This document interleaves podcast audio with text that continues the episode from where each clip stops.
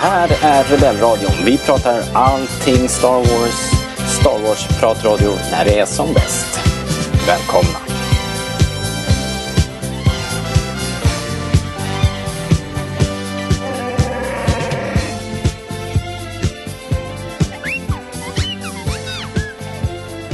Du lyssnar på Rebellradion, svensk Star Wars-podcast i samarbete med Star Wars.se. Och jag som hälsar nya och gamla lyssnare välkomna heter Robert. Uh, det är ju som sagt nytt fokus. Vi har filmkreditkarten på och eh, vi går igenom alla filmer i Skywalker-sagan och vi är nu... Ja, det börjar dra ihop sig mot slutet. Vi är ju mitt i Episod 3, Mörkrets hämnd eh, från 2005. Uh, och uh, vi, uh, ja, vi pratade på sist eh, jag kanske ska säga hej till dig först Linus. Hej Linus! Hej Robert! hej! Kul att man får vara med. Ja, eller hur? Eller hur? Hur skulle det se ut annars? Liksom. Ja, Eh, det är det man inte vet. fasen vad, vad mycket det händer i den här filmen. Vi har ju, eh, som vi kom fram till i slutet på förra podden, vi måste ju sabba formatet. Vi kommer antagligen göra en trepartare här för att eh, det händer så våldsamt mycket. En Eh, trilogi för att avsluta trilogin. Är det det du säger Robert? Just det, it rhymes, som George Lucas säger. Ja, han hade varit... Jag tror han gillade Rebellradion, George. Jag tror det också, faktiskt. Det är ju svårt att veta förstås. Han har inte hört av sig. Men, eh, men Nej, vi, vi har ju gillar heller, att Om vi tro ska vara det. riktigt ärliga. Nej, det är sant. Vi är dåliga på att höra av oss faktiskt. Ja. Men du, vi, vi babblade ju på sist eh, så pass långt som att eh, alltså Anakin led av sina drömmar. Han hade försökt att förklara sig för Padme och sådär. Eh, men eh, och vi bara konstaterade att det här med att inte kunna släppa taget var en buddhistisk, buddhistisk tanke och allt det där hade vi pratat om. Eh, det är också en, en sån här eh, ödesstund i republiken för de eh, rösta fram mera makt igen då till kanslern och sådär. Eh, vilket Obi-Wan och Jedi-rådet tycker är olyckligt minst sagt och vi kunde bara, vi kunde bara hålla med. men, eh, och vi ska, vi ska plocka upp den tråden men trots att vi sabbar formatet så ska vi väl inte, vi ska väl inte helt eh, gå ifrån alla eh, konventioner utan vi, vi ska väl kolla in i alla fall hur det står till i Halmstad och vad vår kompis eh, Per Gessle har för sig.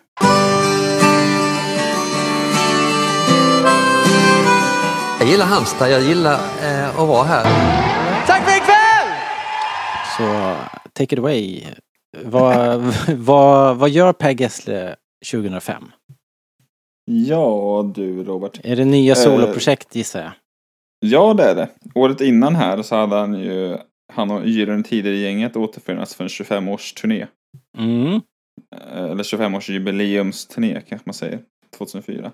Den här superstora turnén, det var väl typ den, jag vet inte exakt, men jag tror att det var typ en av de eh, största turnéerna i Europa. Så här. Eller att det slog någon sorts rekord för flest, eh, eh, vad heter det, flest besökare. Eller sådär. Och då var det bara, men var, vart, vart turnerar han då? Är det liksom Sverige, Norge, Danmark eller är det Sverige bara? Eller? Nej, då var det bara Sverige med Gyllene Tider. Så den var Shit. väl, det var på Stockholms stadion två kvällar i rad för över 30 000. Men det är ju ändå helt stört att man kan slå ett sånt rekord med bara Sverigekonserter. Alltså jag vet inte om det var exakt något sånt, men det var något sånt. De slog Ullevi-rekord i alla fall. Jag tror de spöade Bruce Springsteens rekord eller sånt där. Wow, det är ju Det var nästan mäktigt. 60 000 personer. Det rekord har ju slagits sedan dess.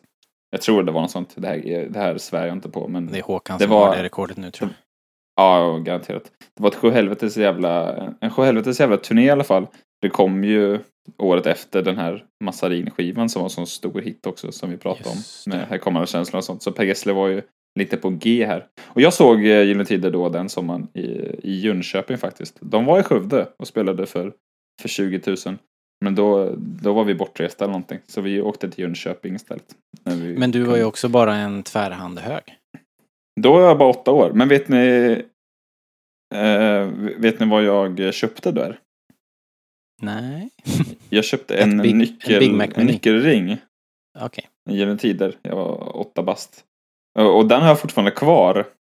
Hur sjukt är inte det att jag inte har tappat bort mina nycklar sedan 2004? Det är ni. Eh, Men det- 2005 i alla fall så skalade han ner lite. Och så gjorde han en skiva på engelska som heter Son of a Plumber. Det kommer jag ihåg.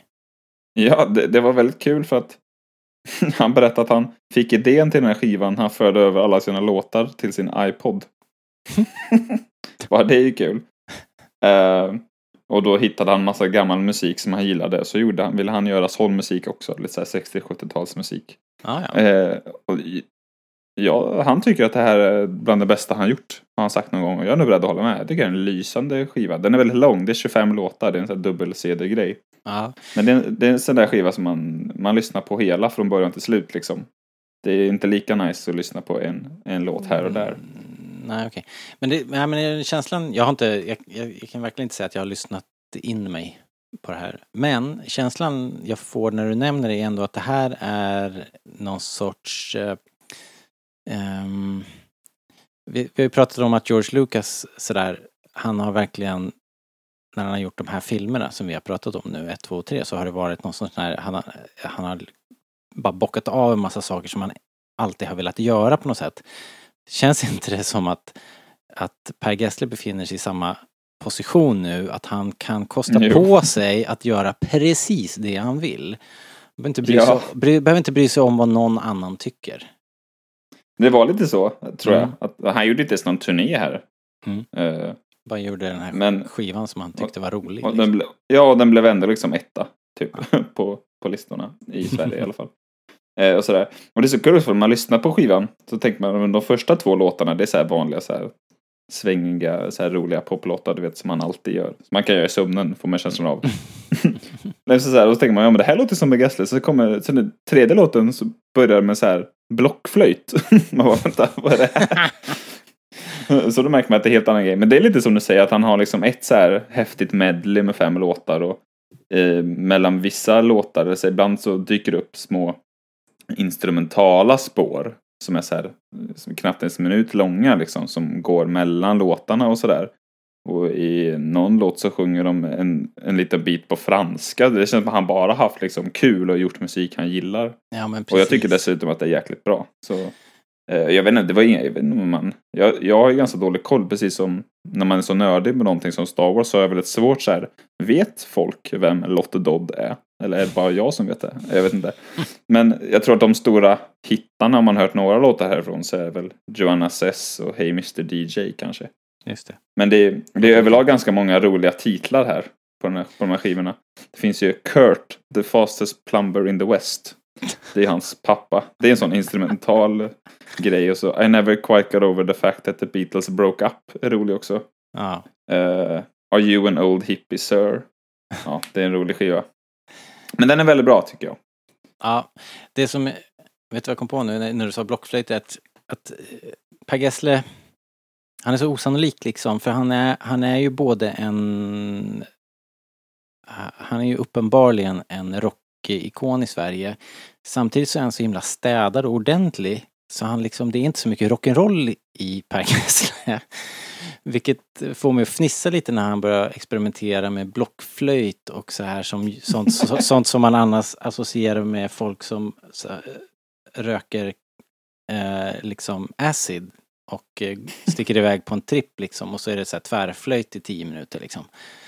Och Ja, ja. eh, Per Gessle tycker säkert att det där är jättecool musik men han, han är ju inte en sån person liksom.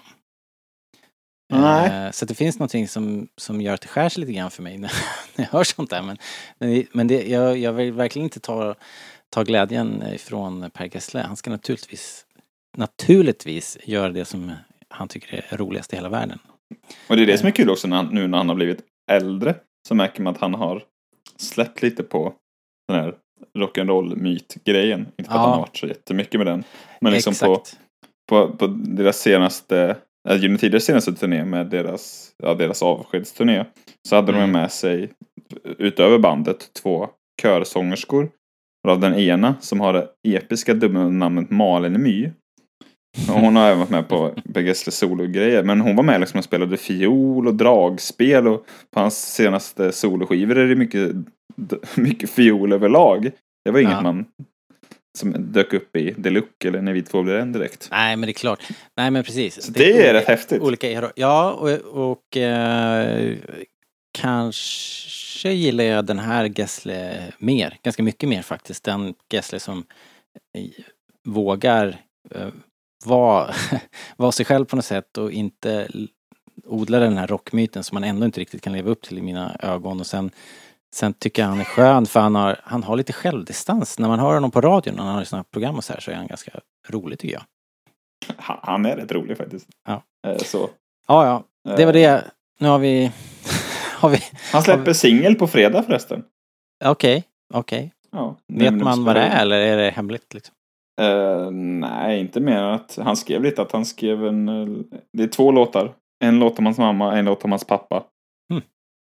Ja, Vilken är. A-sida och vilken är B-sida? det känns som att det är lite intressekonflikt här. Känsligt. Man får välja mellan sina föräldrar. Vi får se. All right. det var det. Då, då kan vi gå vidare. Ja, Alltid kul att prata, prata lite uh, Gyllene Eh, Okej, bara vänta på att han ska skriva in. Liksom.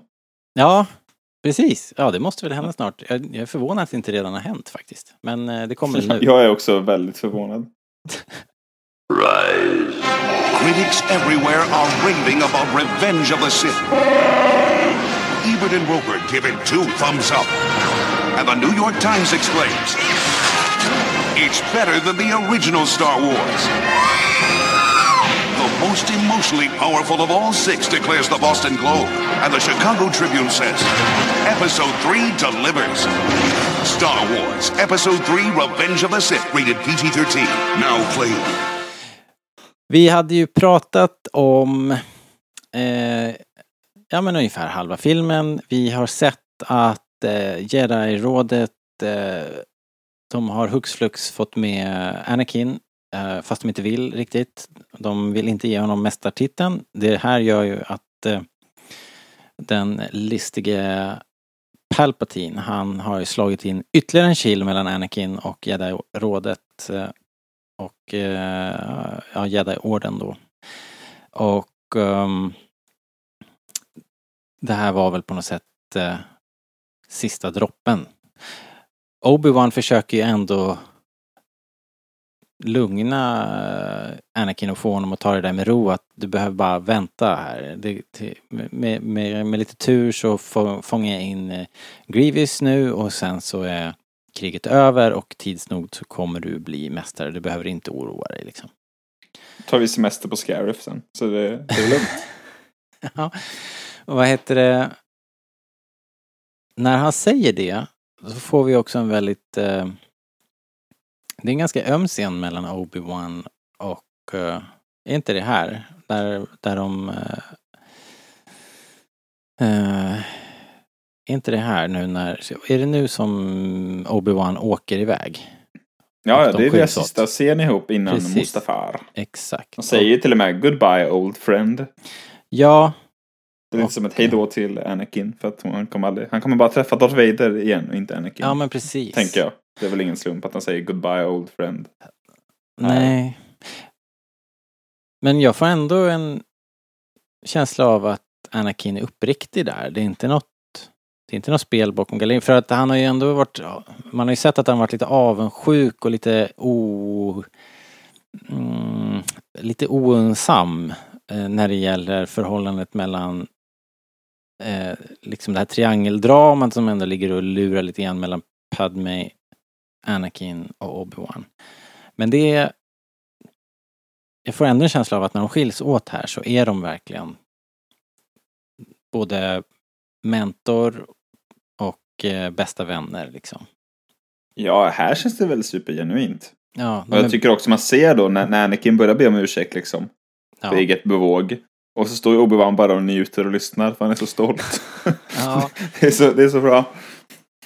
Ja, men Eh. kanske att det ändå, ändå tänds något litet hopp där i Obi-Wan att, att ja, men det kanske ordnar sig i alla fall. För han har ju varit väldigt orolig för Anakin här. Ja, men- om man nu verkligen ska försöka tänka då i Obi-Wans eh, sits. Så eh, han ser, man ser ju verkligen, han ser ju verkligen ljuset i slutet av tunneln här. Mm. För att allt, men det är så nära nu. Han ska ju bara åka dit och hämta Grievous så är det klart sen. Ja. Och liksom ur hans perspektiv så måste hela den här Order 66-grejen liksom bara vad fan är det här nu då? ja. Jag hade ju precis löst det. Ja. Vad är det som händer? Liksom. ja. För så han hade ju fixat det. De skulle ju bara städa upp det på Ottapaus, sen var det ju klart liksom. Sen var ju Scarf-biljetterna beställda i Ja, stort sett. precis. Så att han, Drink- man känner ju också det att han, ja, men det löser sig nu liksom. Det är så nära. Jag ska bara ta den här jävla hostande saken och sen är det klart. Ja. Typ liksom. Det, det gör ju också mer tragiskt. För att det är ju så nära. Det är typ klart i fem sekunder. Ja. ja, men precis. Han har ju fixat det liksom. Ja, i alla fall. Ehm, det är bra scener och det här med när Obi-Wan eh, berättar för, eh, för Anakin att han ska spionera på kansler. Jag tycker det är, det är så bra. Det är så oerhört plågsamt för Obi-Wan. Det är liksom off Ja, the record också. Verkligen. Eh, men det är också så här coolt att Jedi-orden försöker spela med i eh, Palpatines spel, bara att de fattar inte att de är, de är liksom hopplöst efter. De, de, är, liksom, Ja. de är liksom redan ut, ö, överlistade innan de ens har börjat. De tror att de liksom ligger jämsides men de har redan blivit varvade fyra gånger. Typ. Exakt. Det är liksom de inte har fattat. men Ja. Men det är jävligt bra. men jag gillar scenen just för att man märker att Obi-Wan vill ju inte. Han har ju fått uppdrag i sin tur att berätta, att ge Anakin uppdrag. Mm. Man märker att Obi-Wan gillar ju inte det här heller. Nej. Och det känns väl också som att det är väl också lite det som är Obi-Wans problem. Att han är ju Yoda och Mace har ju honom lite väl mm, bra lindad runt sina lillfingrar liksom. Jag vet inte om det är det eller om jag tänker att Obi-Wan har en annan moralisk kompass jämfört med Mace. Eh, Nej men alltså, Obi-Wan skulle aldrig kunna säga nej till rådet som Qui-Gon gör. Qui-Gon vägrar ju. Obi-Wan kan ju mer säga så här, ja jag tycker så här, Mm. typ. Men när väl, Obi eller när väl Yoda och även Mace har bestämt någonting så gör ju Obi-Wan det utan att egentligen göra motstånd, även om han kanske tycker annorlunda. Han här. gör det ju motvilligt här, helt klart. Ja, det märker på slutet här. I'm not asking you, the council is asking, eller vad fan han säger. Precis. Ja. Han ser ju hela tiden, han är ju också djupt oroad. Man märker det på honom att det är någonting skumt ja. som är på gång liksom. Eller han, han får inte riktigt ihop det liksom. Nej. Det, det, liksom, är- det är så bra liksom. Man märker att det håller på att sli, det liksom håller på, allting håller bara på att ramla isär. Och de vet inte riktigt hur de ska hantera det liksom. Det bara håller på, allting håller bara på att glida ur ur händerna liksom. Det är grymt bra. Det är, Det är också bra. grymt bra. Det är bland de häftigaste små liksom pusselbitarna vi får i Clone Wars säsong 7. Så återigen, hoppa fram 30 sekunder någonting om ni får en liten spo- om ni vill undvika den här lilla, lilla spoilern. Men Obi-Wan snackar ju med Asoka på eh, radio, höll jag på att säga, med- när han, Ja. när han berättar att Anakin dödade Dooku. Just det. Och man ser liksom på Obi-Wan att han säger ja men det var väldigt konstigt att Anakin dödade Dooku när jag inte var med och det är någonting som känns fel liksom. Ja. Det var inte bara att det blev så i stridens hetta. Eller man ser på Obi-Wan att det oroar honom Ja, på och helt att han inte har... Han har inte Anakins öra längre riktigt. Utan eh, han, är, han är genuint oroad och han ber väl också eh, Asoka att du, du kanske ska prata med honom liksom. Ja, För vid det här laget har ju Asoka varit borta från, eh, Mm. från Jedi-orden eh, ett par år tror jag. Eller något. Ja. Eh, Men, det, det är så också lite tragiskt med scenen att jag tycker att Anakin, att han säger nej liksom till spionageuppdraget eller att han, han gör motstånd eller nästan vägrar. Mm, Det är ju... Det känns som att han är helt rätt ute liksom. Både etiskt sett och till jedi-koden sett. mm, Att han gör ju... det är det som är så skumt. Jag antar att det är det som är krigstider. Då vänds ju sånt här lite över ända. ja. Men det känns som att han gör ju på något sätt vad en, en jedi borde göra. Om man, om man tänker så. Det är ju snarare att jedi-rådet i sig uppträder ojedi-gikt. Eftersom Anakin då säger nej så är det han som framstår som Ja, ut bölingen liksom. ja.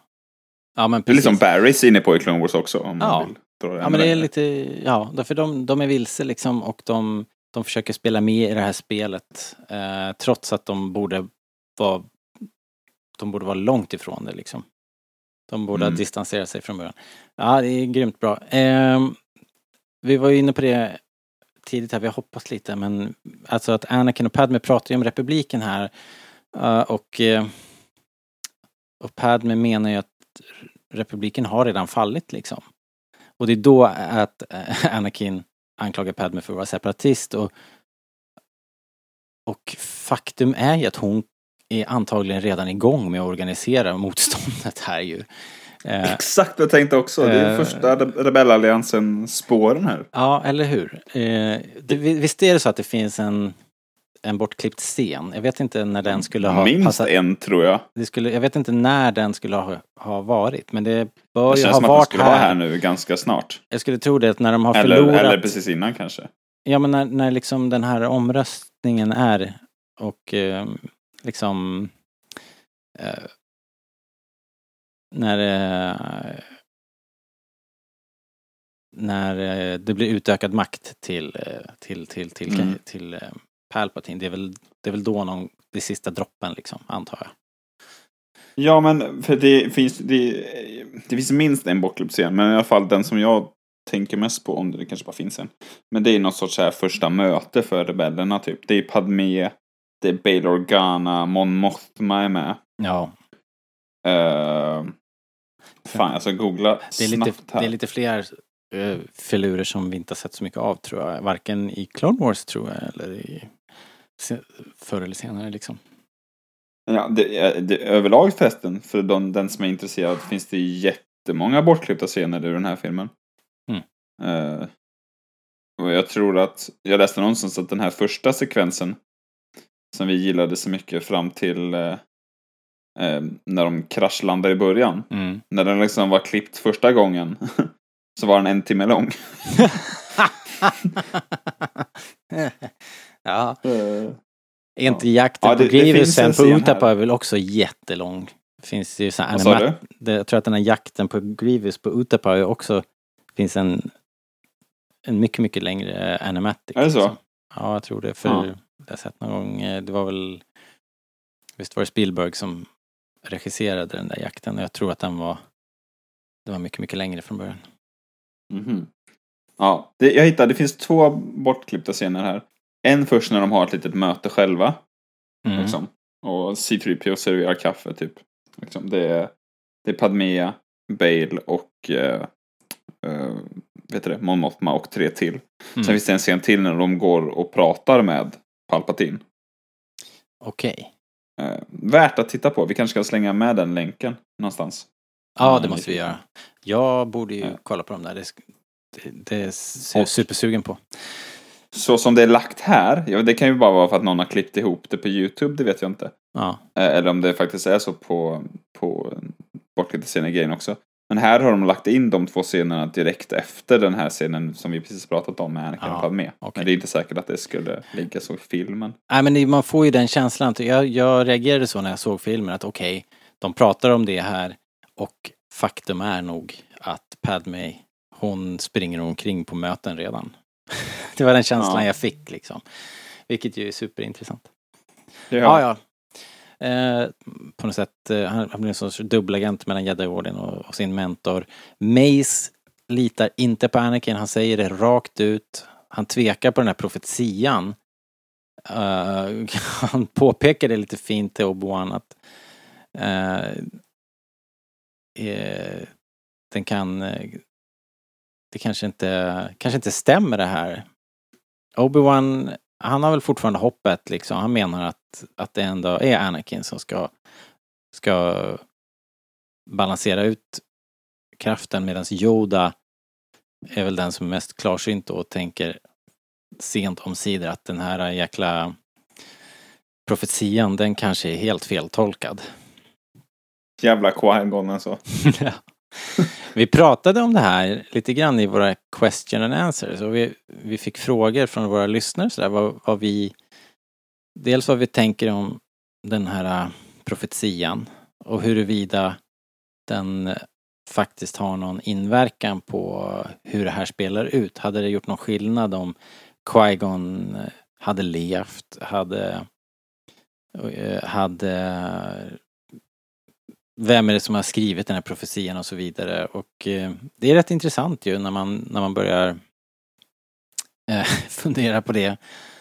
Jag menade på häromdagen då när vi snackade om det att det, det som jag ser det så är problemet med profetian är ju inte att den på något magiskt sätt har något reellt inflytande eller att den är sann eller inte utan det som är problemet med den är ju att eh, så många i, i toppen av Jedi-orden tror på den.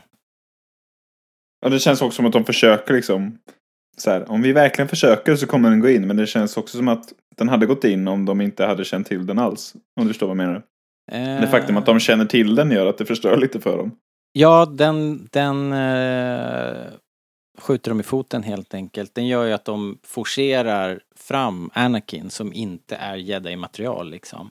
Och det spelar Palpatine i händerna. Sen om det hade liksom eh, om det hade gått att stoppa Palpatine om han inte hade haft Anakin vid sin sida, det är svårt att säga. Men, det känns också så lite som en självuppfyllande profetia, eller? Eller tror du inte det? Att det faktum att den finns gör att den...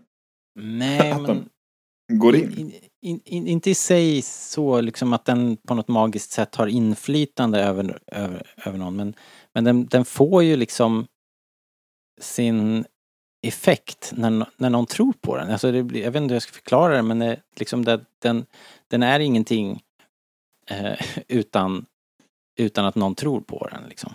Nej, nej. Eh, och då eh, då blir det ju att när när någon då som är så pass dogmatisk som Qui-Gon plockar upp det här och, och eh, applicerar sin eh, tro och liksom stoppar in Anakin i, i det här äh, sammanhanget så, så blir det superfel liksom. Eh, hade de varit, hade, jag menar, hade de lyssnat på Yoda så hade, hade det aldrig hänt liksom. Sen, sen vad det hade betytt eh, om man hade dragit ut, ritat ut alla de här linjerna ut, utan Anakin så kanske det ändå hade Palpatine kanske hade lyckats i alla fall på någon vänster. Men, eh, ja. men han hade ju haft svårare tror jag. Ja, det hade han säkert. Men, men också, det påminner mig bara ännu mer om att Yoda är sämst. Han är riktigt, mm. riktigt, riktigt inkompetent i den här prequel-trilogin. Man tycker ofta att ja, men han säger så smarta saker och är lite klarsynt och sånt. Men han är också bara så här, han bara säger luddiga saker men gör ju aldrig någonting liksom. Ja, profetian kan ha misstolkats, säger Yoda. Men sen så ja. gör han ingenting åt det. Eh, eller så här, ja, pojken är jättefarlig. Jag bara, Yoda är smart, han inser det. Men, men det går bra. Inte, men han, ja, men det, men det kanske är också ett så institutionellt problem eftersom han, han är inte den som bestämmer. Liksom. Han är ju bara en av många. Ja, han, är ändå, han, han, han har ju varit... ändå betydligt mer inflytande än Plo Koon har får man väl säga. Ja, kanske. Jo, han är väl någon sorts ålderman där i alla fall. Ja, ja. ja. De, de är svajar i alla fall nu lite grann och kanske börjar inse att det här, den här profetian kanske inte kommer att rädda oss liksom. Vad är det vi har gjort i 15 år egentligen? Eh, ja, exakt. Hur, hur, hur blev det här egentligen? Vi får ta en utvärderingsweekend. Eh, Jävla Qui-Gon. Ja, precis. Är det det Yoda säger sen på slutet kanske? När de, när de kommunicerar? ja, precis. Och du är ditt jävla du din jävel. as. You got Om du hade levt hade jag dött. You got a lot of guts showing up here. uh, vad heter det?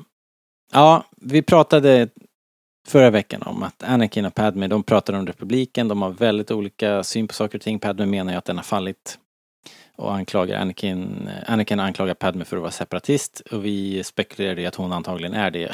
Eller åtminstone håller på att organisera motstånd för fullt bakom eh, lyckta dörrar här, vilket är en, en kittlande tanke faktiskt. Eh, En, en kul detalj vi faktiskt missade att nämna kring de här bortklippta scenerna. Det är att Mon Mothma spelas av Genevieve O'Reilly. just det. Eh, Tänk att bli castad i Star Wars och sen bortklippt 2005. Och sen 2016 kommer en ny film där du mot alla odds får chansen att spela den här karaktären igen. Som hon ju då fick göra i Rogue One. Ja, det är häftigt. Det är faktiskt helt sjukt. Det är faktiskt häftigt. Och jag tror även att hon gör rösten i några Rebels-avsnitt där Mon Mothma dyker upp. Är Mm. helt ute och cyklar. Och de kom i samma veva va? Ungefär som Rogue One. Så hon hade ett, Ja. bra, ett bra år där. Hon ser Ja, likadan hon ut är- också för övrigt. Helt sjukt faktiskt. Som, Mm, eh, hoppas man väl kun, att hon skulle kunna dyka upp igen. ja, i Jag är inte en av de här som- Andor-serien. Det vore coolt. Jag, jag är inte en av de som tycker att det vore att det är liksom för mycket att göra ännu fler filmer som utspelar sig eh, kring originaltrilogin som Rogue One och Solo i viss mån. Mm. Fan. Nej, inte Gör jag. någon mer rebellfilm, det vore kul så fan. Ja, Hon får gärna vara med. japp. Uh, vi får se vad allt det här leder. Det är mycket tv på gång just nu då. Det kan ju, det kan ju Ja, det bli någon sorts... bra. Det kan, ju, och... det kan ju leda till att filmerna blir... Att det Nej. blir spin-off-filmer kanske. Vem vet? Hon måste ju vara med i Cassian eller? Det känns väl nästan givet. Det, har vi inte hört det redan? Att hon är på gång? Det kanske vi har. Om inte Nej, annat så känns det ju som en no-brainer så att säga. Ja, jag håller med. Ja, Men ja. du, nu drar det ihop sig här för vi, vi kommer till den här fantastiska operascenen. Ehm, Är det en opera eller är det bara att det ser ut som en opera? Vet vi vad det är? Vet vi det? ja, men jag tror att det är sagt någonstans att det är en opera. Det är säk- jo, men det sägs i boken i alla fall ganska tydligt Ja, att det okej. är en, det är inte vilken opera som helst, det är en Mon Calamari-opera, tror jag. Till och Jaha. med. Det enda jag vet att, jag, jag fattar inte vad de kollar på exakt vad det är.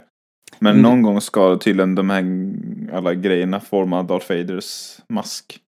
Jag försökte titta efter det men jag såg det. What?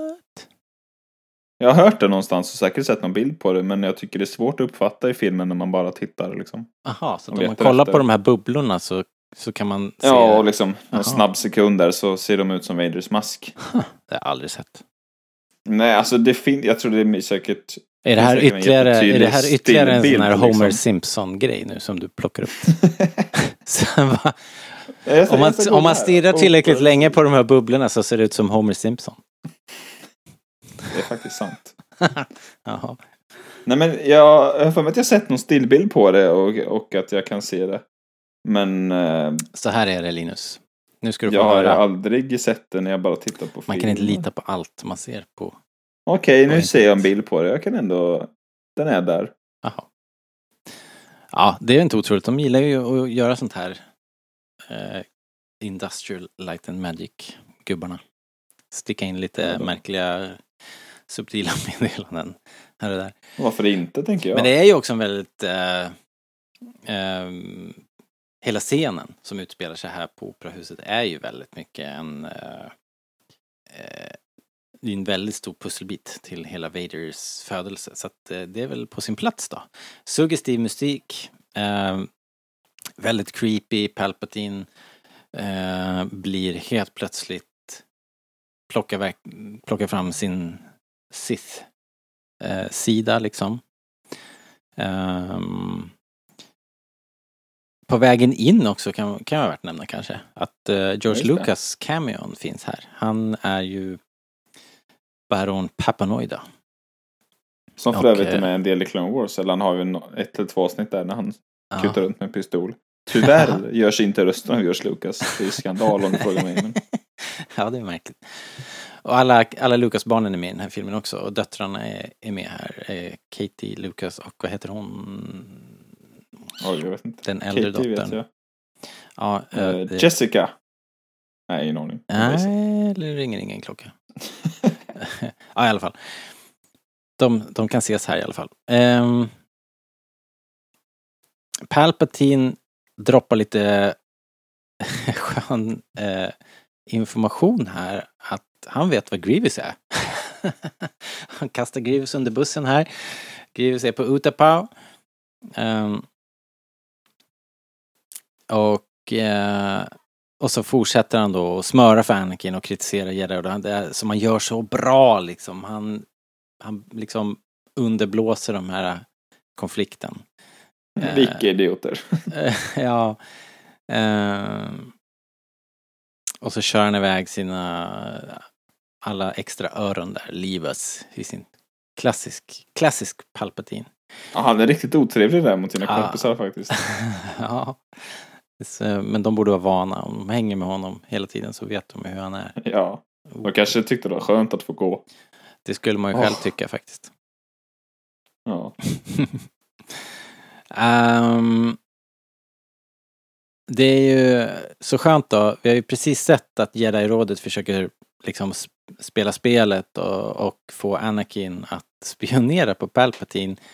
Uh, här så gör ju Palpatine vad alla diktatorer gör. Han anklagar ju sina politiska, sin politiska opposition för alla övergrepp som han själv utför. Och, så han påstår ju här att Jedi-rådet är ju de som försöker ta över makten i republiken då. Uh, och så lyckas han ganska lätt lirka ur Anakin att Jedi-rådet har bett Anakin att spionera. Det är så jävla bra. Det är så rackarns bra och eh, Men också bra när Anakin försöker göra sig emot lite och han bara avbryter. ja, Anakin, ja, lägg av. ja, Du kan Nej. prata med mig. ja men precis. Och som sagt, Sith-lorden kommer fram. Eh, vi är inte så Verkligen. olika. Po- Han, han har också ett så här point of view eh, snack här liksom. Att, eh, Mm. Eh, för om, om du ser det på det här viset så är allting logiskt och de, de håller dig tillbaks liksom. Och eh, om du bara anammar mitt sätt att se på saken så, du, så kommer allt det här att lösa sig till din fördel. Gör som liksom. jag. Ja, precis. Köp en. Jag har en själv. Och så får vi höra här som nu har blivit så det har ju alltid varit coolt men nu i och med den nya trilogin också så har det ju blivit eh, riktig lore. Han säger ju här att eh, han frågar ju Anakin om han har hört om The Tragedy of Darth Plagueis the Wise. En gammal Sith-legend. Det som man kanske kan fundera på här lite grann när jag såg så tänkte jag att Anakin eh, han är oerhört nyfiken och vill veta allt det här men han reagerar ju liksom inte riktigt på att det är så mycket snack om, om Siths. Och att det kommer från Palpatine, eller hur? Alltså jag funderade lite på det också men jag tror mer att det, det låter mest som en gammal skröna liksom. Som vem Mm. som helst kan ha hört. Så därför reagerar han inte. Nej. Men... Men jag eh, tror han reagerar mer sen när han nu börjar snacka mer detaljerat om mörka sidan. Det är väl därför han reagerar i nästa scen där sen. Det kommer ju sen ja, en reaktion. Men den är, Ja, då blir den det så här, vänta lite nu. Det här var ingen skröna. Nej, nej men det är precis. Så det landar inte riktigt på det viset här. Uh, Anakin är så fascinerad för han vill ju han, han är ju verkligen bort, bortkollrad Anakin här för han Palpatine vet precis vad som rör sig i Anakins huvud. Och, eh, och säger ju exakt det som Anakin vill höra, nämligen att det går att rädda någon från döden. Och eftersom det här är ju Anakins fokus nu. Han ska ju hindra Padme från att dö i barnsäng. Mm. Eh, liksom till vilket pris som helst. Och nu när han får den här nys om den här grejen så bara, "Aha, det här kan ju jag. Jag är ju jedi, jag kan ju lära mig den här kraften liksom och eh, utnyttja den till min fördel. Eh, ju så jäkla bra, tycker jag. Jag tycker det är så sablans bra. Eh, Darth, Ja, det, Sidious, det, det är bra. eh, Jag bara lyssnar på dig berätta det. Bara det är bra. eller hur? Och Sidious matar ju Anakin med den här skrönan då. Eller ja, det är ju kanske ingen skröna visar det sig. Men den här sagan om Darth Plagueis som kunde, han var så kraftfull att han kunde liksom få midichlorians att skapa liv. Eh, Bara det att de Här- nämner midichlorians igen, det glömmer man. ja, men det gör de. Och Ja. Eh, jag vet att Daniel i något forum här var det va, som sa att i och med att de gör det här och att de säger det så här på det här viset att midichlorians to create life, eller var det du som sa det? Att det ändå, när vi pratade om episod 1 kanske att det kanske ändå inte är otroligt att tänka sig att Sidious faktiskt har ett finger med i spelet, att han på något sätt har skapat den här jungfrufödseln. Att att Anakin faktiskt är en produkt av Sidious forskning i, i liksom det här eh, eh, Plagueis eh, sätt att eh, manipulera kraften för att skapa liv och rädda liv och hindra en från att dö och sådär. Det, Det kan jag säkert ha sagt, jag vet inte. Men jag kom, jag kom, nu kommer jag inte ihåg riktigt vem som har sagt vad, men, men, i Men- alla fall så är det ju intressant. man att- tänker ju tanken, gör man ju. Ja, eller hur? Man måste göra det. Man måste nästan, efter, eftersom, eftersom Studios har varit så intresserad av Anakin hela tiden också. Men också då, så här, om vi försöker tänka bort all Star Wars lore som vi känner till och varför vissa saker går ihop och inte. Om vi bara försöker se på det liksom filmperspektiv. Att Mm. om vi har en trilogi där de tydligt säger att det är väldigt skumt i den första delen av, av trilogin. Att det var jättekonstigt, det var ingen pappa, jag fattar ingenting. Mm. Och sen i den tredje delen säger de Ja men han kunde skapa liv. Ja, men här. Jaha. Exakt, exakt. Ja, de men kan ju exakt. inte, de måste ju vara beroende av varandra de här sakerna. Eller så här, Ja, men, alla saker i filmen finns med av en anledning brukar jag tänka. Ja, men ofta inte så det, används de till fler än en sak, men- Vad är det man säger? Är det den där Tjechovs pistol liksom? Om man har, Ja, precis. Om, om, om man har lagt en pistol på bordet, då, då, då, det, Ska den firas av innan då det ska den slut? fan sk- skjutas med den också innan, innan pjäsen är slut liksom. Ehm, ja. ja, men så att det kanske ligger någonting i det. Eh, han... ehm, Precis, vad var vi nu? Han hade ju droppat de här, äh, all den här kunskapen på Anakin som blir liksom lite för intresserad. Ja. Vänta, vad, vad? ja. Eh, ja, han kan rädda folk från att dö och så här. Och, eh, och sen så säger han på sitt mest creepiga vis The pathway to many abilities. Some consider to be unnatural. Den är ju, det är snyggt att de lånar den till Rise of Skywalker igen tycker jag. Jag tyckte det också. Det är ju verkligen en replik som säger så mycket mer än den säger. Liksom. Ja, hela den här äh, scenen på operan är, är härlig, magisk faktiskt. Eh, och Anakin bara, jaha, uh, is, it, uh, is it possible to learn this power? Eh, eh, not from a jedi, kläcker han ur sig då. Och som sagt, Anakin han eh, jag vet inte om det är så att han är så fokuserad på målet här så att han helt enkelt missar att eh, det är en Dark, Dark Lord of the Sith som han sitter och pratar med. Men, eh, men han verkar i alla fall inte, polletten har inte trillat ner än i alla fall. Ehm, Man kan säga att hans judgment är lite clouded, som Yoda hade sagt. ja, ja, det får man, får man lov att säga. Det får man lov att säga. Jag tycker inte att man hör den här typen av kritik så ofta. Eh, Men nu när jag såg filmen så tycker jag att det här är, var det som var kanske mest svårsmält. Att det är ju ascoolt, jag älskar det, men det är lite svårt att köpa liksom att Anakin inte, att han inte fattar i det här läget liksom. Men men. Eh, Det problemet har jag aldrig haft. För jag, Nej, jag tycker att förut. säljer in det så bra som att det är så här. Det är väl liksom något man har hört bara.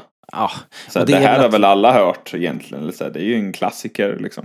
Ja, och det är väl kanske en, en konsekvens av att vi vet mer än vad Anakin gör. Och Anakin ser ju på Palpatine som en mentor och vän liksom. Så det kanske, ja, nåja. Ja, men alltså, jag tolkar verkligen som att det här är någonting som alla hört. Men liksom i Jedi-templet så pratar man inte så mycket om det. det är Nej, lite, lite det. Voldemort-stämning kring det.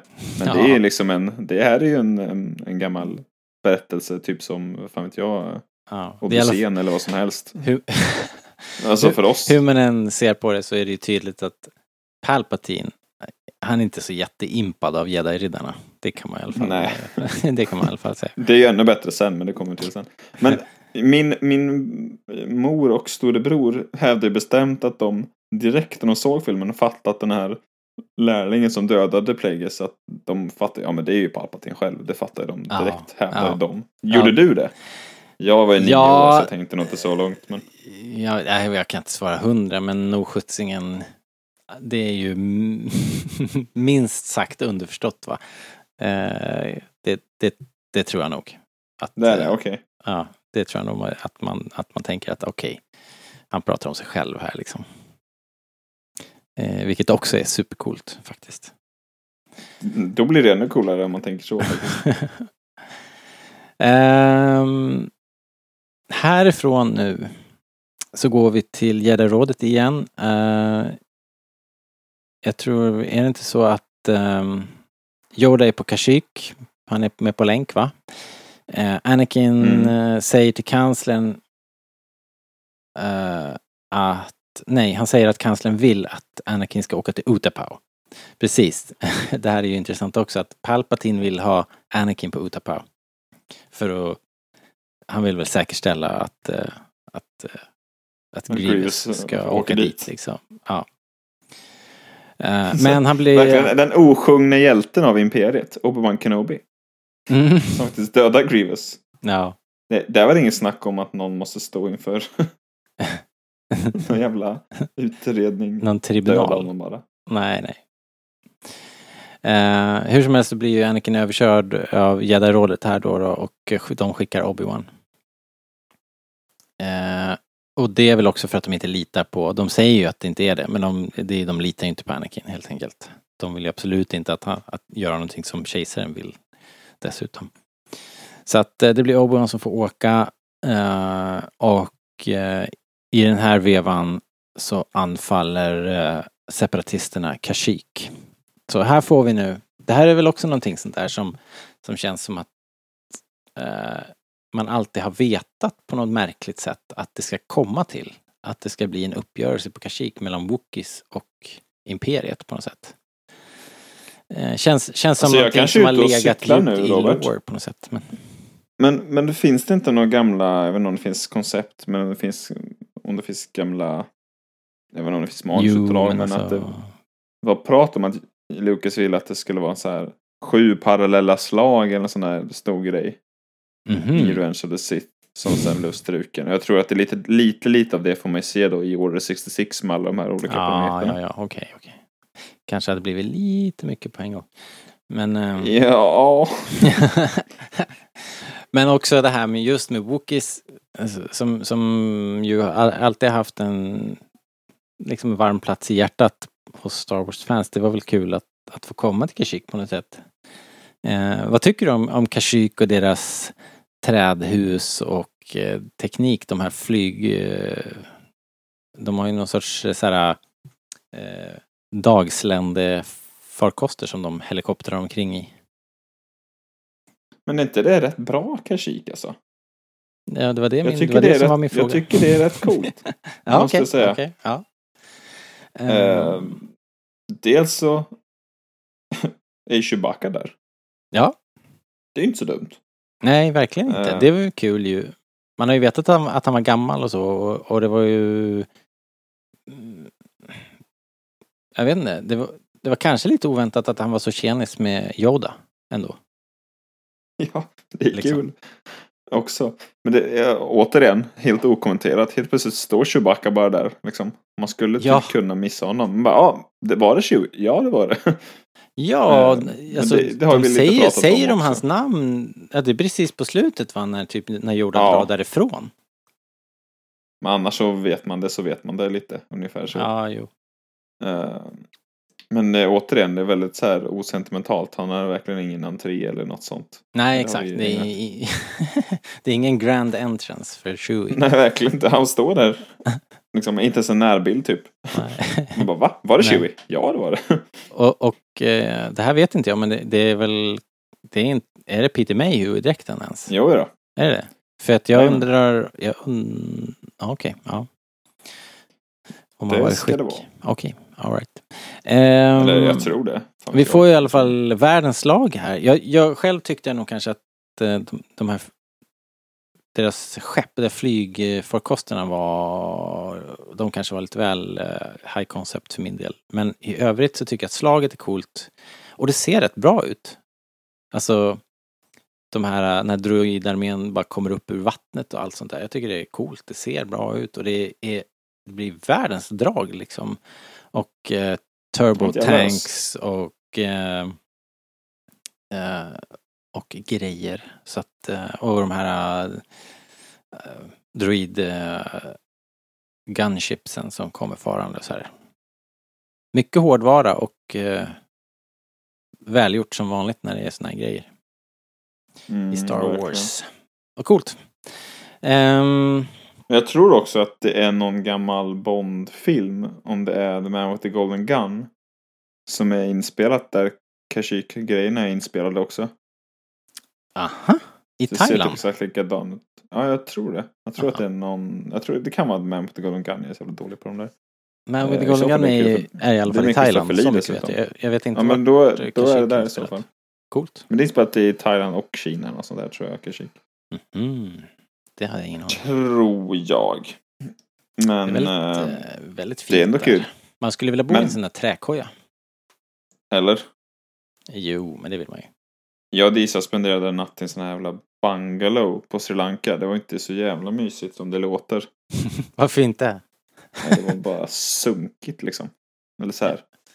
Det var inte överfräscht. Nej. Är det för Men, att det eh, bor djur i varenda springa? Liksom? Ja, det är väl det. Ja, Det var inte, det var inte århundradets AC liksom.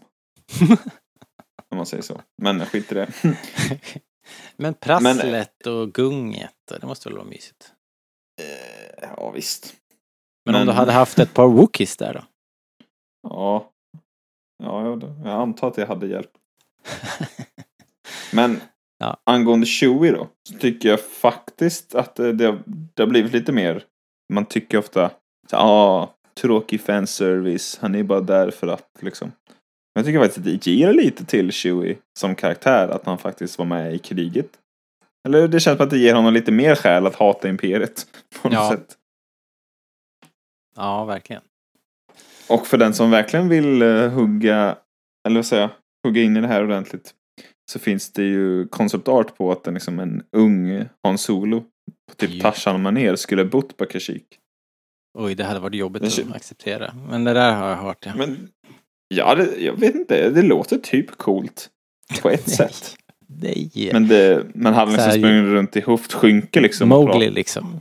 Då hade det inte varit så coolt. Jag vill vara som du. ändå Gå som du. Nej, ja, jag vet inte. alltså. Det hade kunnat bli bra, men hade det blivit för mycket Tarzan så hade det inte blivit så bra kanske. Nah. Varför hade det varit så Eh, dåligt då, Robert? Nej, men allting måste inte hänga ihop hela tiden. Bara... Nej, nej, det måste inte, men jag är inte automatiskt emot det liksom. Nej, okej. Sen så ser jag ju vissa fallgropar. men, Nej, men och sen barn, du vet. Alltså... Jag vet inte. Behöver inte, in, in, behöver inte introducera ännu fler ungar liksom. Jag vet inte. I don't know. du är inget Harry Potter-fan eller? Ah, ja, men alltså, Harry Potter är väl jätteroligt, men, men eh, de Du, där säger, först, det, men du de säger där, det som att du egentligen inte tycker det. Robert. ja, ja, men de där första jättebra, filmerna när de, Men, som Jakob sa liksom, de, de spelar väl inte bättre än, än Jake Lloyd liksom i den där första tvärtom tycker jag. Men, Ja, men exakt, du ser. Så att eh, om vi nu klarar, det, tycker- klarar oss undan med hedern i behåll med, med, med Jake Lloyd så behöver vi inte utmana ödet med en, en liten, eh, en liten eh, Harrison Ford liksom.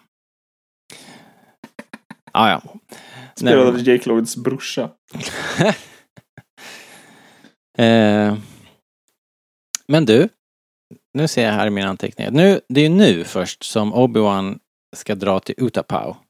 Ja, och det vi är då han promenerar ner till hamnen där Star Det är först nu de säger hej då övrigt egentligen. väldigt sympatiskt att han får promenera ner till sitt skepp. Det är inte som i Star Trek liksom att alla tel- teleporteras till höger och vänster. Han får liksom, han får, han får minsann gå ner dit och gå över landgången liksom. Men är det inte här som de har det här snacket? eh, Jo, jo. Jag vet inte om vi, det vi var... tjuvstartade lite. Ja, eller hur? Vi tog det i lite fel ordning. För det är här de, eh, de eh, Anakin ber lite om ursäkt för sitt uppförande och, att, sådär. Men han är nog... Att han varit lite vresig. Ja, lite, lite, lite grinig helt enkelt. Och, och, och Obi-Wan ber honom bara vara tålmodig. Patience. Det där tänkte jag också Mm. att det är liksom det enda som Obi-Wan kommer med hela tiden. Det är inte undra på att Anakin blir helt galen. Ta det liksom. lugnt. liksom. Var Han lite får- skön. Ja. Patience. Här, han har sagt det nu i tre filmer. För fan, det händer ju aldrig någonting. Kom igen nu, ma- master. ja, ja. Eh, know det, är i all alla fall inte, waiting. s- det är i alla fall inte snart nog för Anakin. Eh, blir vi ju varse rätt snart i alla fall. Han, han tar saken i egna händer. Samtidigt så får man väl ändå lite... Obi-Wan får ju ändå lite rätt här när Anakin är så bara... Åh, jag är ingen mästare! Men, så men du är den yngsta någonsin som är på rådet. Så som, ta det lite lugnt. Jo, visst. Jo, jag säger inte att Obi-Wan inte har rätt. Eh, Alltså, jag älskar Obi-Wan. Han är min absoluta favoritkaraktär. Eh, Och jag tycker han har eh, liksom hyfsad, hyfsad eh, pejling i hela trilogin. Liksom. Han går ju vilse tillsammans med alla andra jedis, men han är ändå den som jag tycker eh, Ja, är rätt så klarsynt ändå. Men det, måste, men det är ju frustrerande som, ja, kanske bara det. Men det är ju frustrerande, jag tänkte verkligen på det när jag såg scenen, att det är frustrerande för en lärling att hela tiden bara få tålamod, tålamod liksom. Eh, man måste ju också få eh, man måste få ansvar och man måste få lov att utvecklas liksom. Att man måste, man måste få eh, lov att eh, ja, men utrymme att växa. Man kan liksom inte hela tiden bara bli så här nedtryckt och, och, eh, och eh, få, att mentorn säger att imorgon liksom, då händer det liksom. Det är liksom, det, det, det är inte uppbyggande liksom. Yesterday you said tomorrow. Just det. Just do it!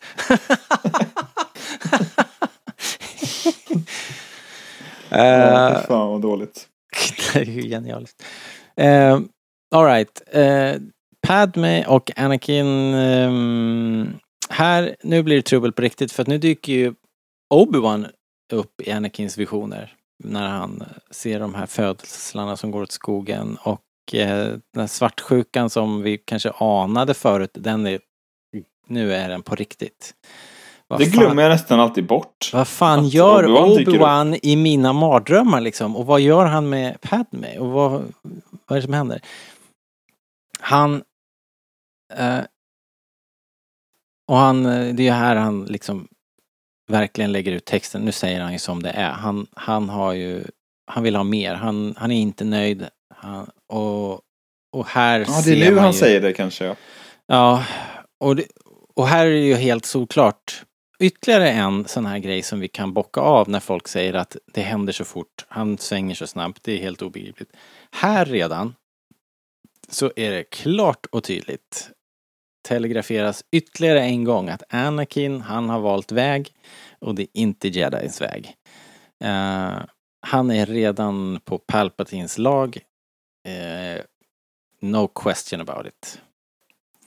Eh, det jag säger inte Jag att det är det är mycket bullshit återkalleligt. att han men, svänger eh, för snabbt. Ja. ja, men det är liksom inget snack om det. Han- Det, det, det kanske inte är oåterkalleligt än, men det är helt klart att, att Anakin, han har eh, bestämt sig liksom. Han, eh, han vet precis vad han måste göra liksom. Mm. Alright. Uh, Obi-Wan kommer till Utapau. De är fantastiska. Utapau är. Utapauianer, ja det är det. Det är så jävla fint också. Man vill nästan bo Ja, i en sån där grop liksom. Eh, Jag älskar också han. Vad är han heter nu då?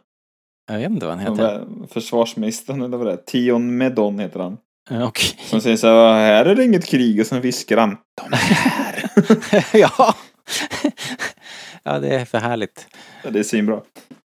Eh, en, och eh, och eh, Obi-Wan, eftersom han är James Bond, han spelar med liksom och eh, skickar ju iväg eh, R4 med, är det va? Och, eh, och Eh, Jag vet Med- inte. med Överlevde rymdskeppet. R4 öppningen där när hans huvud flyger iväg? Nej, kanske han inte gjorde. Nej, Eller men, så bara eh, satte de på en ny reservdel. Vet inte. Ploppa på en Det är för övrigt rätt kul. Oh dear. Ja. Vilket är roligt också för att Obi-Wan liksom inte bryr sig om droider överhuvudtaget. Liksom. Nej. Ah, ja, Jo men han gör ju det när de flyger för det är där de är i sitt rätta element. ja, jo precis. Jo, han, han utnyttjar dem ju gärna Det- men han bryr sig inte så mycket Ja. om vad som händer med dem egentligen. Det är synd om Obi-Wan faktiskt för då har han ju inte ens någon som kan hjälpa honom att flyga. Då måste han flyga helt själv. Ja, kanske därför går det så Shit. kast också. Ja. Ja, men det är häftigt. Uh, Utapau är coolt på alla möjliga sätt tycker jag. Och jag älskar det här fantastiska riddjuret eh, som han fixar också. Den här bågen som någon men sorts- vet du vem som spelar Tion Medon då? Nej! Hur, nej. Bruce Spence. Who? Vem fan är det tänker du? Ja. Eh, har du sett The Road Warrior? Ja. Mad Max? Ja. Han är även med i trean tror jag. Eh, han spelar Giro Captain där. Den långa skumma typen som Max träffar på. Jaha, Eh, är det han? Jedediah the Pilot i Beyond Thunderdome. Så han har två Ah, roller där. Okej. Ja, ja, nu vet jag vem det är då. Ja, visst. Han är även med i Matrix.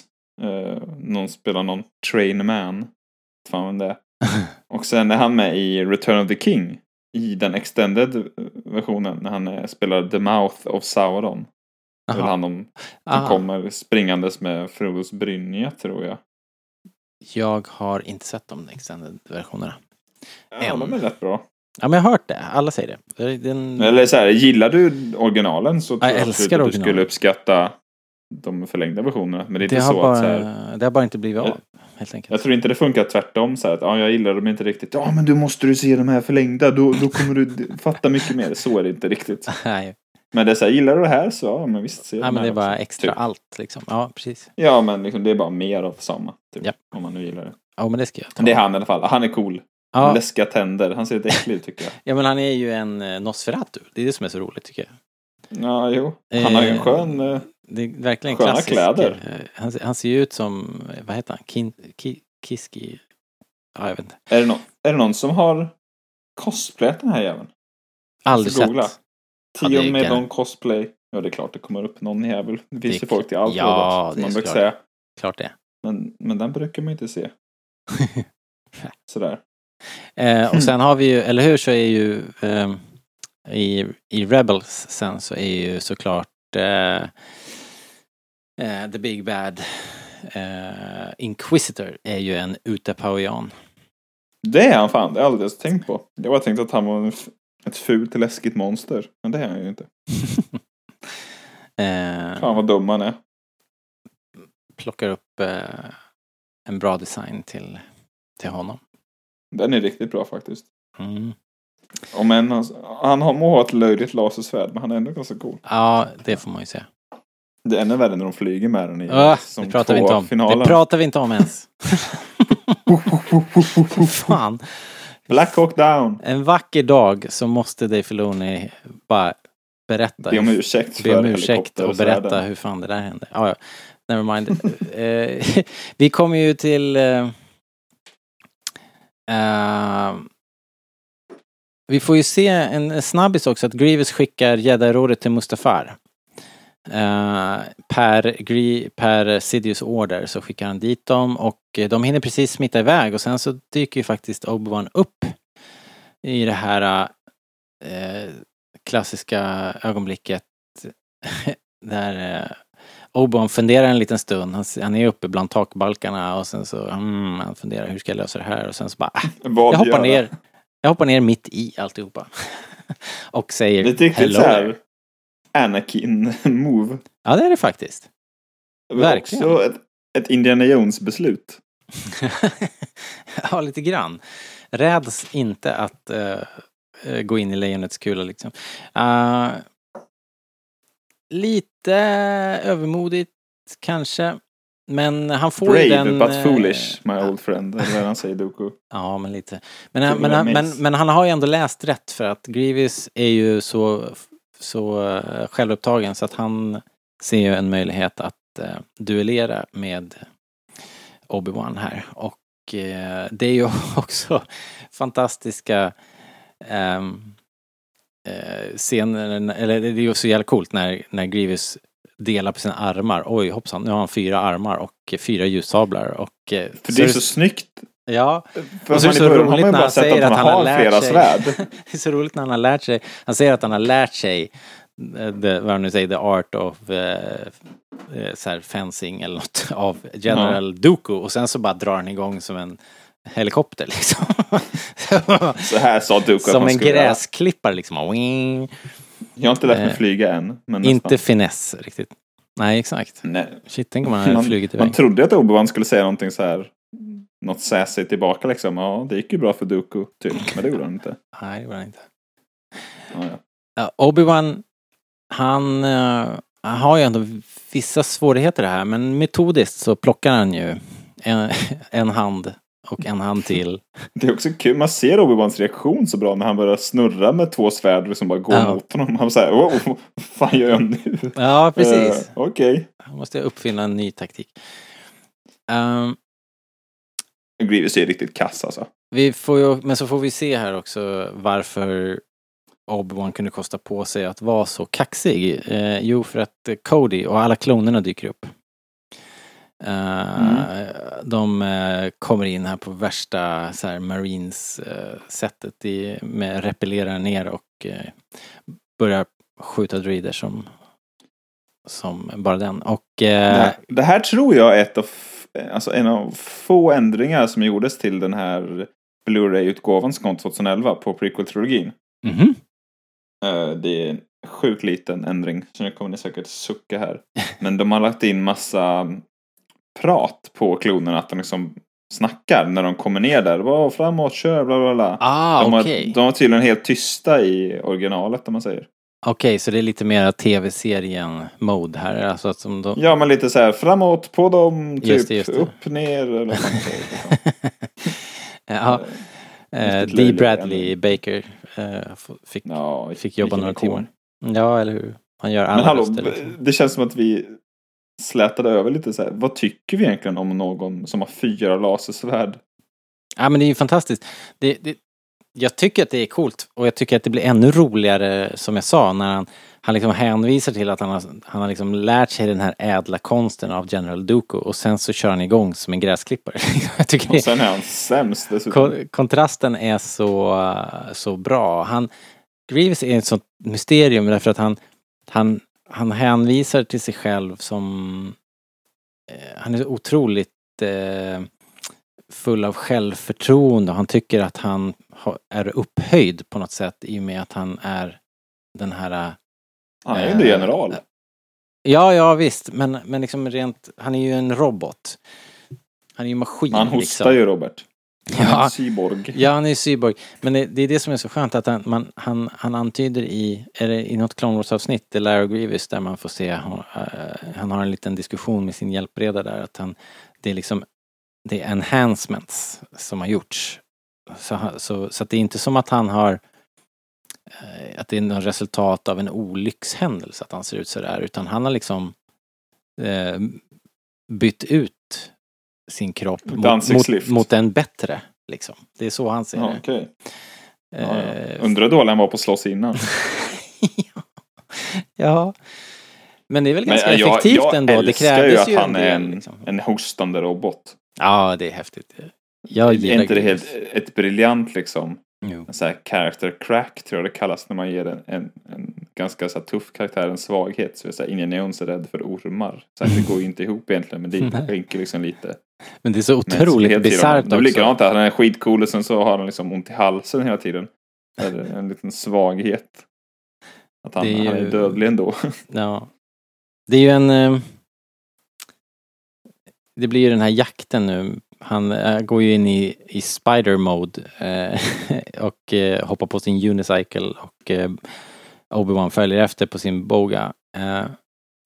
Det, det var den vi pratade om i förra veckan att den här scenen eh, regisserades av Steven Spielberg.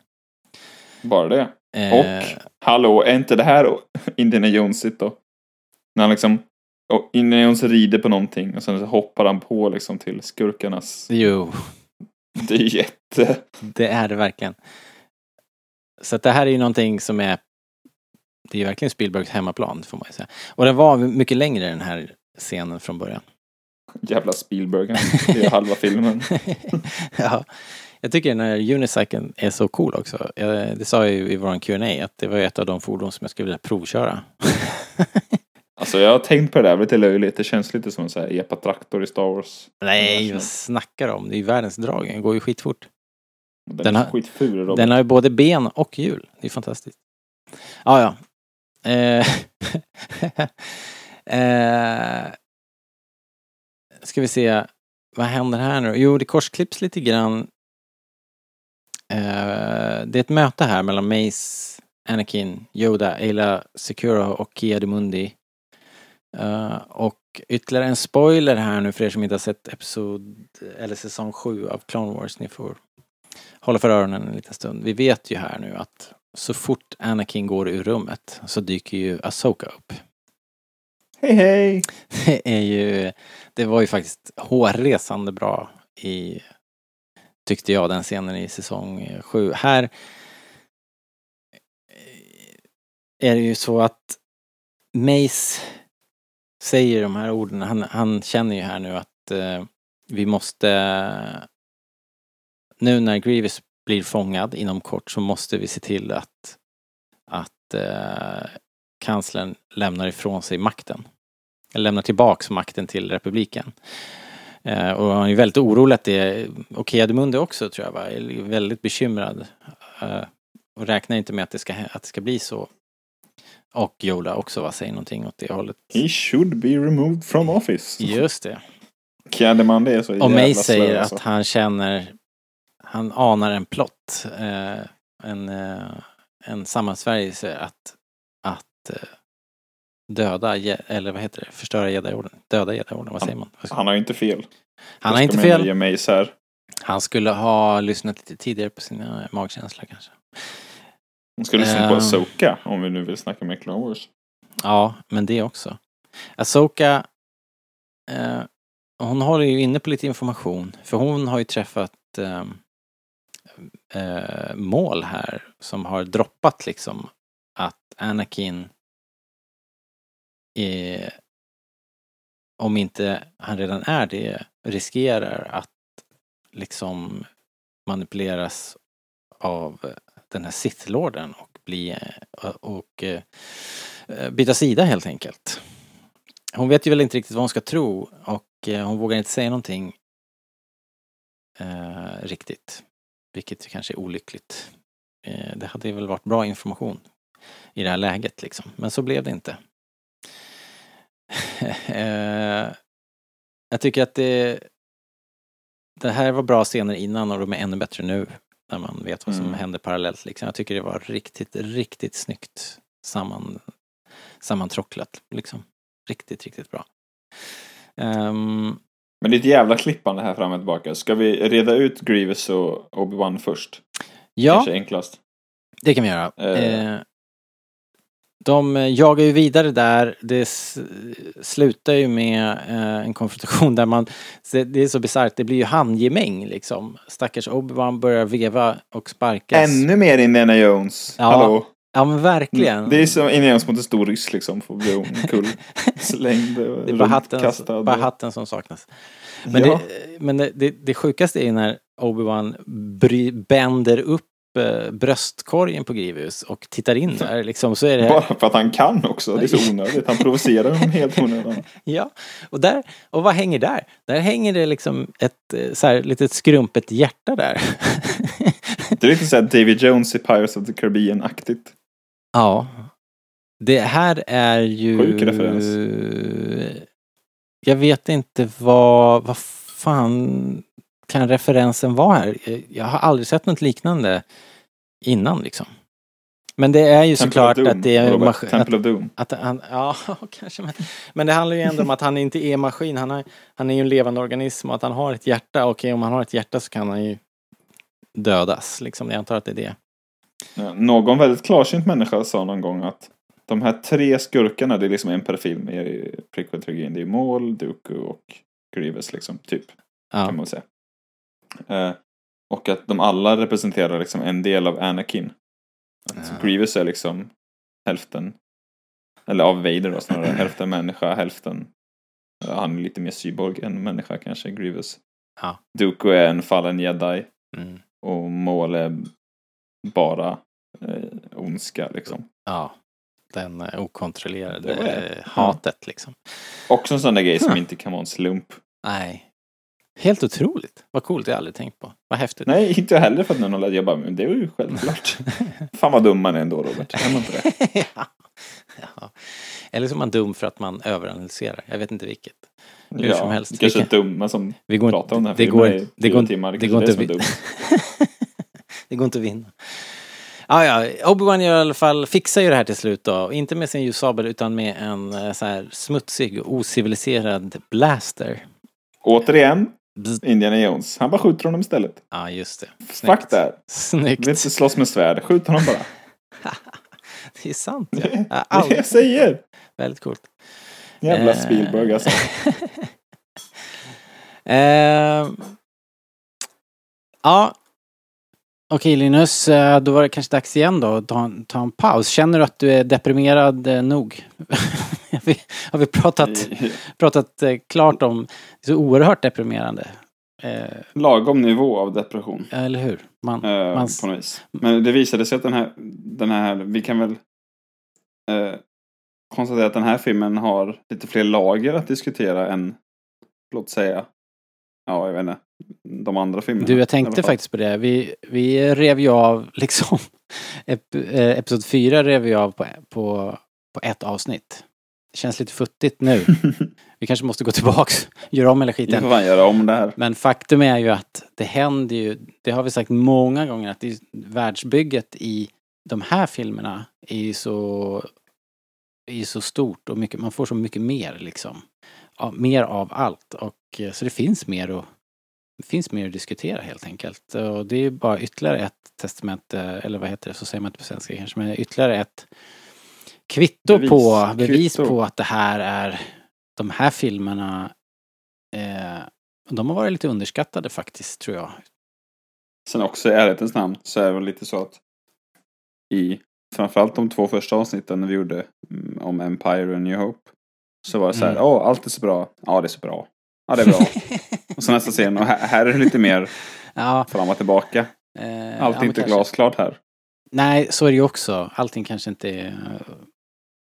Ja, men det är, det är bara mer helt enkelt. Det är fläskigare och matigare liksom. Eh, är- men sen gjorde vi ju ändå två delar av episod eh, sex om jag inte missminner mig. Nåja, hur som helst. Vi får vara klara för idag. Eh, del två då. Och sen så kommer vi igen. Fan vilken tid det ska ta Robert. Ja, jag vet inte. Det Men det är kul. Jag tycker inte vi har varit uh, ute och slirat allt för mycket heller så här, utan det är ju ändå pratar ju om grejer liksom. Ändå sitter vi här. ja, men, ja.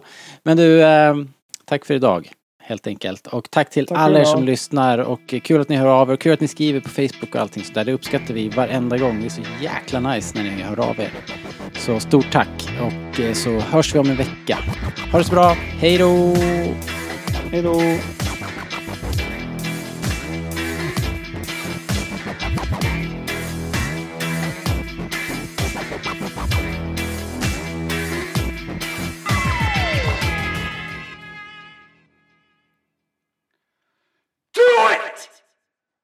Just do it!